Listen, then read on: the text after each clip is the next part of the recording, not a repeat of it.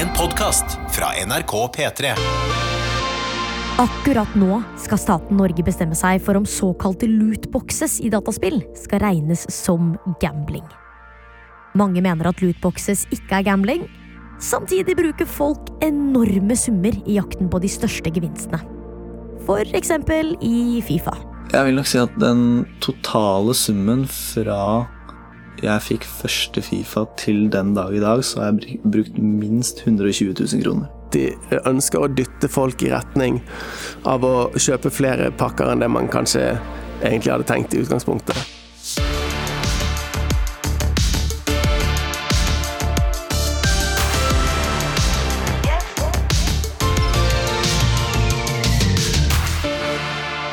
Jeg heter Mandag Niotri, og velkommen til podkasten På logga. Og folkens, nå har jeg forvillet meg ned i et YouTube-kaninhull, der jeg ser på folk som åpner det som kalles lootboxes i Fifa. Og lootboxer i dataspill er jo en slags forundringspakke du kan kjøpe for ekte penger, og så vet du ikke helt hva du får. I Fifa er det fotballspillerpakker, der noen er litt mer sjeldnere enn andre. Ah, Morales! Stop bad. I'm, I'm okay with it. I'm okay with it. I'm okay. Can't complain. Og så er det selvfølgelig noen norske reaksjoner som har gått viralt også. Del Piero Yes! Del Piero fra Italia der, altså. Men det gøyeste er jo å se at folk får selveste Ronaldo. Oi, pues espérate, espérate, espérate. Camina, camina, camina, camina para la canción, Diego. ¡Portugués! ¡No! ¡No! ¡No! ¡No! ¡No! ¡No! ¡Cristiano! ¡Cristiano! ¡Cristiano! ¡Cristiano! ¡Cristiano! ¡Qué más ha salido Cristiano! ¡Vamos, hostia! Ja. Nederland og Belgia har bestemt at lootboxer skal reguleres som gambling. Der er det altså nå ikke mulig å kjøpe Fifas fotballpakker for ekte penger. Og nå skal Norge bestemme seg for om vi skal følge etter dem og gjøre noe lignende med disse spillene. Altså, Én ting er iallfall sikkert. Dette har blitt en enorm pengemaskin for selskapet bak Fifa-spillene, EA Sports. It's in the game.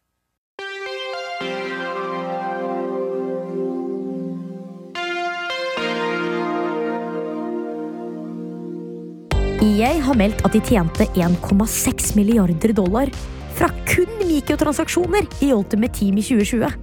Og hvor kommer alle disse pengene fra? Eller rettere sagt, hvem kommer de fra? Hvis jeg skal si et cirka tall på hvor mye penger jeg bruker på Fifa den dag i dag, når det er f.eks. promoer på Fifa, Team of the Season, Team of the Year osv., så, videre, så bruker jeg opp mot 10 000-15 000, altså. Dette er Ole Gunnar. Ja, Det heter egentlig ikke det, men han ønsker ikke å bruke sitt ekte navn. Det er de promoene på en måte som tar pengene fra kontoen min. Vi har også snakket med en som vi kaller Erling. Ja, snakker vi fotball, så snakker vi fotball. Det var vel ikke før Fifa 17 jeg virkelig begynte å skjønne at nå, nå, nå begynte det å bli et problem. Jeg klarte fortsatt ikke å stoppe. Og spørsmålet er Hvorfor har disse to brukt så utrolig mye penger på et fotballspill? For Ole Gunnar, som med så mange andre, startet det tidlig i tenårene. Jeg husker jeg var vel kanskje rundt 13 år. eh, 13-14 år når jeg på en måte brukte mine egne penger på Fifa Points. Alt av de få inntektene jeg hadde som 13-14-åring, gikk rett i Fifa. da. For jeg ble jo ganske avhengig ganske tidlig i Fifa. eh, Men da var det ikke snakk om så store summer da, som eh, det jeg har brukt nå etter at jeg har blitt litt eldre. Og det er i de sosiale settingene, med guttegjengen, at lykkerusen rundt pakkene virkelig får fyr på seg. Jeg tror jeg var rundt 16 år, eh, hvor jeg og gutta hadde noe som heter LAN. Det er hvor alle gutta samles eh, og spiller Fifa til langt utpå natt. Eh, og så hadde vi en, noe som heter pack opening, og alle gutta putta på husker ikke hvor mye jeg putta på. Det var i hvert fall 2500 kroner den kvelden der. Så packa jeg en helt syk spiller som var verdt 2,5 millioner. Det var en legende kalt Viera. Eh, og det var liksom sånn da følte jeg meg konge. Da følte jeg meg liksom øverst på rangstigen av kompisene mine. Fordi det var, det betydde så mye for gutta, det med Fifa. Så Ole Gunnar svir av 2500 kroner på en kveld, som 16-åring, på åpne Fifa-pakker. Det er mye penger på den alderen, altså.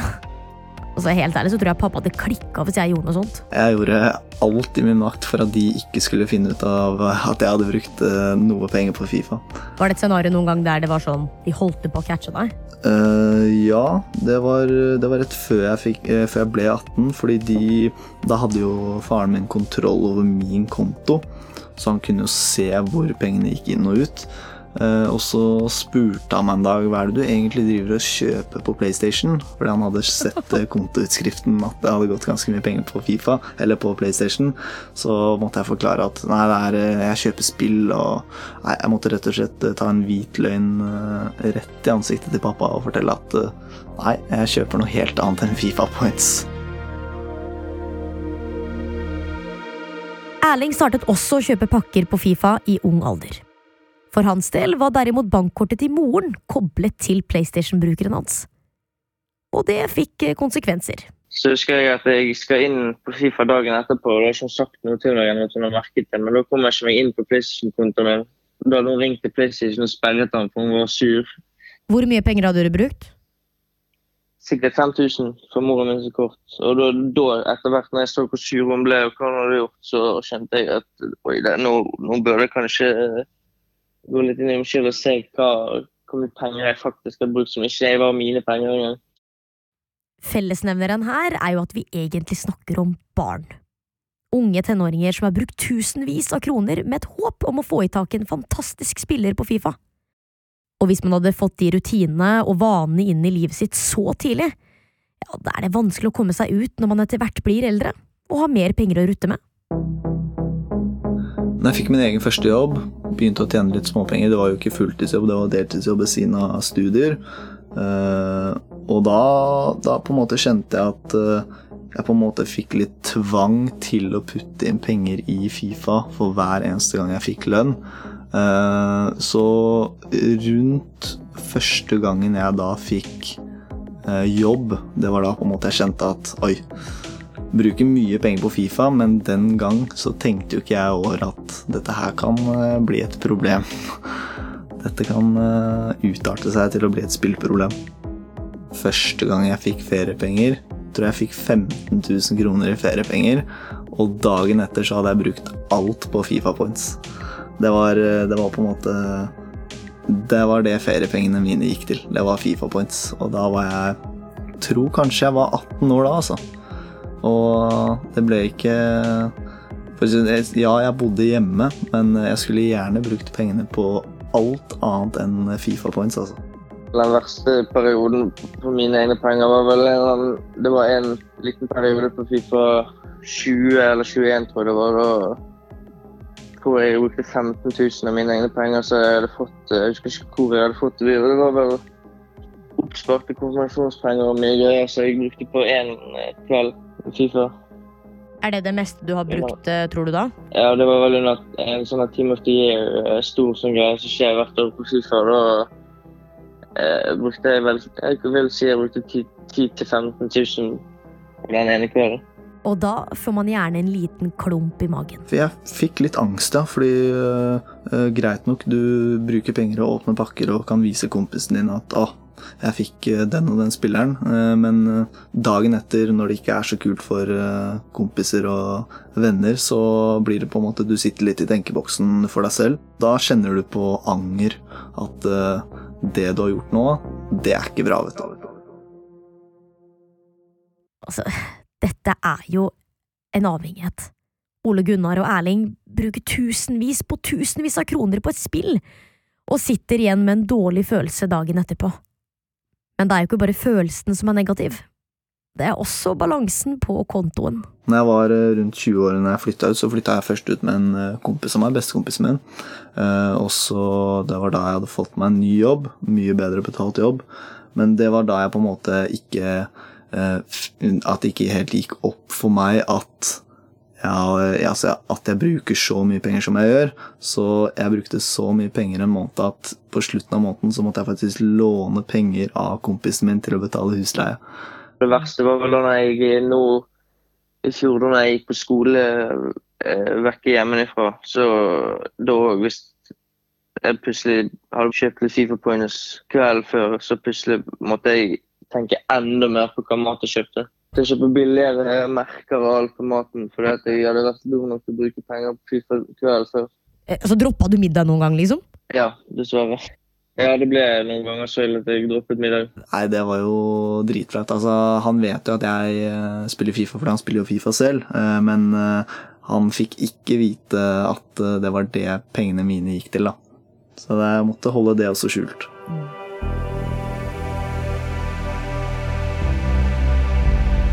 Som vi hørte tidligere, så er det snakk om veldig store summer når man legger alt sammen. Ole Gunnar forteller at han, gjennom hele sin Fifa-karriere, har brukt minst 120 000 kroner. Mens Erling forteller at han har brukt et sted mellom 200 og 250 000 kroner på Fifa Points. I begynnelsen da jeg faktisk tenkte over det skikkelig, så må jeg si det var nesten litt kvalme. Jeg tenkte på hva jeg kunne brukt. Jeg kunne kjøpt meg en fin bil for de pengene. Og tenkte egentlig jeg må egentlig bare være litt veldig stille og ikke si til andre folk eller hvor mye jeg hadde brukt, for at folk kommer til å se på meg som den tullingen som har brukt så mye penger. Det er jo, det er jo litt eh, flaut, da. Det er jo eh, på en måte Jeg kunne brukt pengene på så mye annet eh, som hadde vært mye bedre, selvfølgelig. Men jeg må jo bare stå i det. Det er jo på en måte jeg som har satt meg selv i denne situasjonen som gjør at det, det har blitt sånn, rett og slett. Man blir jo på en måte litt avhengig av det. Fordi det er jo rett og slett eh, bokstavelig talt gambling man driver med. Og nettopp det, det store spørsmålet som Stortinget også skal ta stilling til snart, er både Ole Gunnar og Erling enig i. De mener at dette burde kalles pengespill, altså gambling. Fordi man vet jo ikke hva man får. Og det at du putter en tusenlapp her og en tusenlapp der, det er jo greit, men når du først kommer inn i den onde sirkelen hvor du på en måte du vil ha bedre og bedre og bedre enn alle andre, så altså det, det knekker deg til slutt. Det er eh, Du kommer på en måte ikke ut av det med mindre du er så mentalt sterk som veldig få andre er, til å på en måte slutte selv. Nei, det er, det er noe med den gamblingen. Altså. Det er jo rett og slett gambling. Tror du Fifa er ganske klar over at de får folk til å bli sånn? Tror du de vet det her?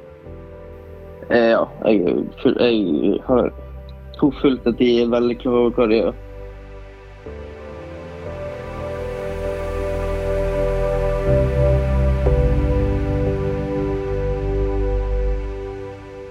Ja, er dette gambling? Vet de godt hva de gjør? Heldigvis finnes det faktisk folk som har forsket på dette også. Hei, jeg heter Rune Mansoni, Jeg jobber som forsker på noe som heter Spillforsk, som er et senter for penge- og dataspillforskning på Universitetet i Bergen. Rune Mansoni gjennomførte nemlig et ganske uvanlig forskningsprosjekt for noen år siden. Han åpnet rett og slett hundrevis av pakker på Fifa. Jeg har jo unger som spiller dataspill sjøl, og som også spiller Fifa, da, og de syntes det var veldig stas at eh, pappa skulle åpne masse Fifa-pakker på jobben. Så oppdaget de fort at i praksis så var det her en utrolig kjedelig jobb. Rune noterte nemlig ned absolutt alt om hva han fikk i alle disse pakkene han åpna. Hvilke spillere, drakter, logoer og trenere osv. Og så sjekket han også prisen på hvert eneste kort han åpna, slik at han alltid hadde en oversikt over hvor store verdier pakkene han åpna, faktisk inneholdt. Så jeg satt igjen eh, til slutt med et sånt eh, kjempesvært eh, Excel-ark med rundt 10 000 eh, rader. Så akkurat den prosessen der var nok veldig mye mer kjedelig enn det ungene mine først så for seg at det skulle være. Dette startet med at Rune gikk til sjefen sin med et litt merkelig ønske. Jeg gikk til, eh, til eh, han som sitter på pengene i gruppen vår da, og spurte er det greit at jeg tar ut en del penger til å kjøpe lootboxer i, i Fifa. Og da sa han eh, ja da, gjør det. Og så gjorde jeg det. Så kjøpte han en PlayStation og gikk i gang med å kjøpe hundrevis av pakker. Åpnet totalt litt over 650 pakker. Eh, Til en verdi av eh, drøyt 30 000 kroner. da. Og så hadde han satt seg noen mål for prosjektet. En slags metode for å finne ut hvor mye gevinst man faktisk fikk tilbake ved å brenne av 30 000 kroner på Fifa-pakker med tilfeldige spillere. Det var at jeg satte opp et, sånt drømmelag med alle de mest verdifulle spillerne i hver posisjon på laget. da. Og så ville jeg se om jeg fikk det laget til slutt etter å ha brukt over 30 000 kroner. Eh, og så vil jeg også se på det på andre måter for å se om dette ligner på et lotteri. da. Eh, kan, kan være et pengespill. Og resultatet var tydelig. Det jeg fant ut av med forskningsprosjektet, det var at eh, etter å ha brukt litt over 30 000 kroner, så var jeg fortsatt eh, veldig langt unna å ha samlet sammen drømmelaget som jeg startet med å ha lyst på å få. da. Og jeg regnet meg frem til at hvis jeg skulle fått det drømmelaget, så måtte jeg brukt rundt 100 000 kroner i spillet. Og da er det jo plutselig snakk om litt penger, da. Jeg hadde jo lyst til å sammenligne dette med hva man typisk får av valuta for pengene fra vanlige lotterier da, i, i pengespill. Uh, og der er tilbakebetalingsprosenten rundt 50 eh, vanligvis. da. Så for hver krone du kjøper Lotto for, så får du 50 øre tilbake i premier. Uh, så jeg var nysgjerrig på hvordan Fifa-pakkene sto seg i forhold til det, og det var litt lavere enn det, da. Uh, sånn rundt 40% kanskje var i gjennomsnitt å få tilbake. Eh, så da kan man jo tenke at ok, det høres jo ut som et eh, lotteri med litt eh, dårlig tilbakebetalingsprosent. Og det er jo kanskje det det var.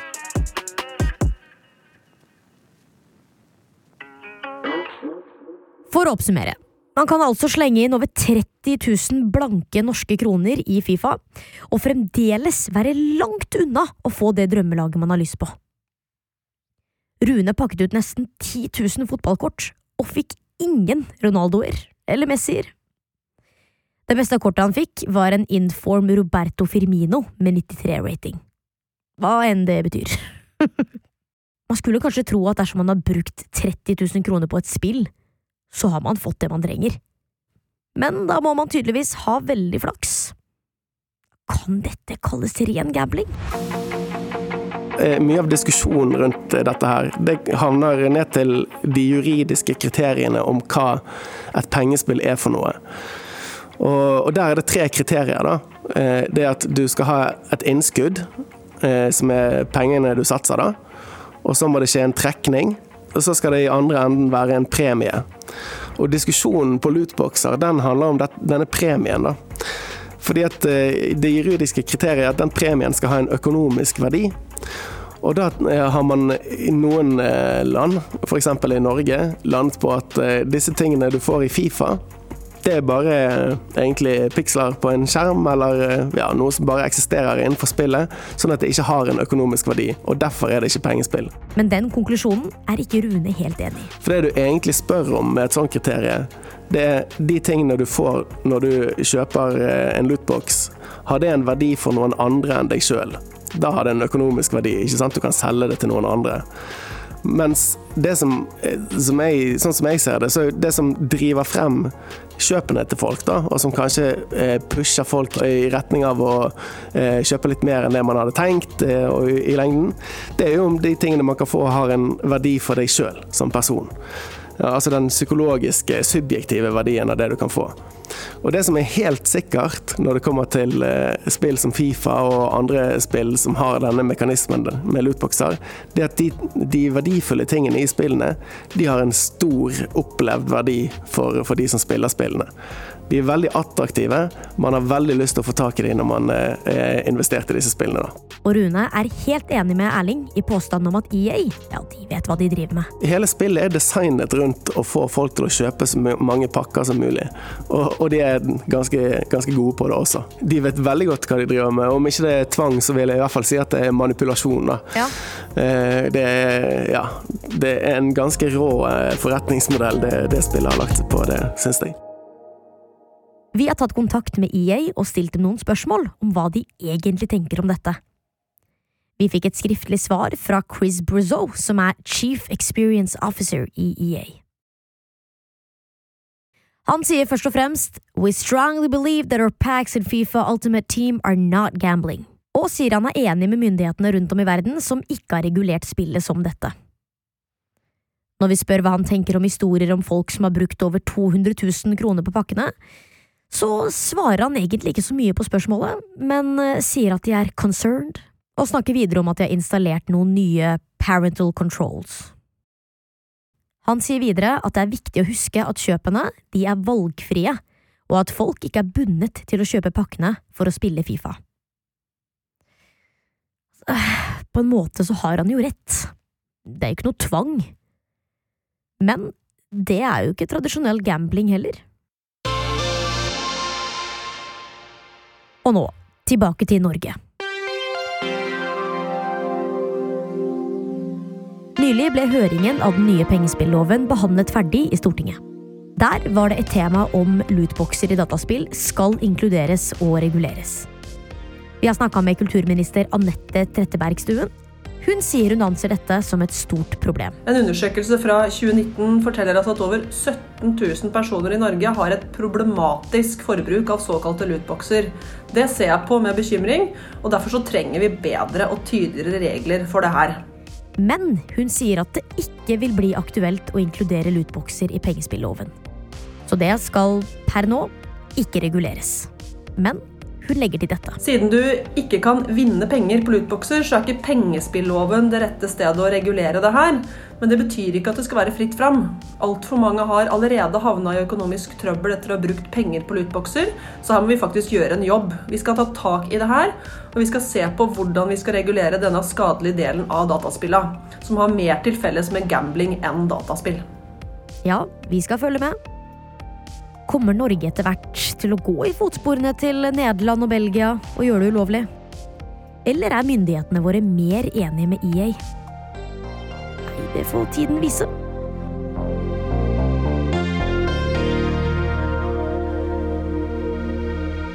Men tilbake til spillerne våre, Ole Gunnar og Erling.